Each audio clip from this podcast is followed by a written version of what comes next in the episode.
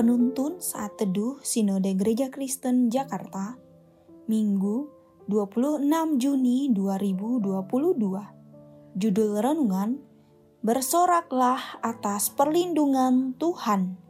Nats Alkitab terambil di dalam kitab Mazmur pasal 5 ayat 12 sampai 13. Tetapi semua orang yang berlindung padamu akan bersuka cita mereka akan bersorak-sorai selama-lamanya, karena engkau menaungi mereka, dan karena engkau akan bersukaria orang-orang yang mengasihi namamu. Sebab engkaulah yang memberkati orang benar, ya Tuhan.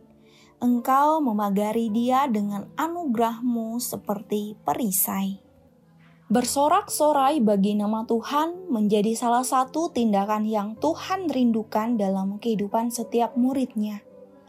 Akan tetapi di tengah segala pergumulan masalah kehidupan yang dialami setiap murid-murid Kristus, hal tersebut menjadi suatu tantangan yang berat untuk dilakukan. Maka dari itu, merupakan suatu keistimewaan bagi orang-orang yang teguh beriman kepada Allah – yaitu meskipun di dalam kesesakan dan pergumulan, kita tetap dimampukan untuk memuji namanya. Dan kita dapat bersyukur atas kehidupan yang dianugerahkannya.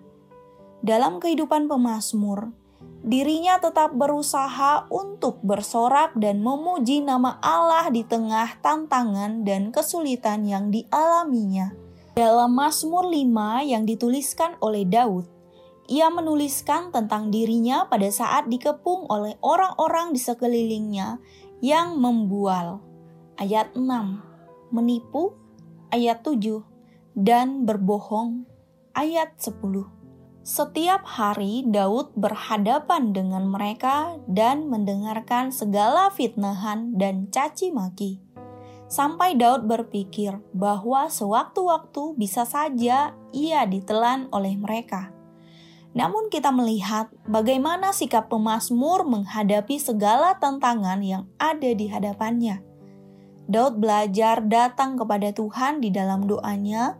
Di dalam doa yang dinaikkan Daud memilih untuk tetap berlindung kepada pertolongan Tuhan. Ayat 12. Daud meyakini bahwa iman orang benar yang datang kepada Tuhan akan membawa sukacita, sebab Tuhan melindungi dan memberkati.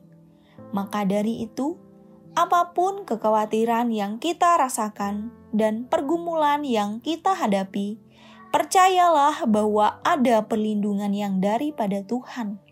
Tuhanlah satu-satunya perlindungan yang sejati. Datanglah kepada Dia, mulailah berjalan bersama Dia.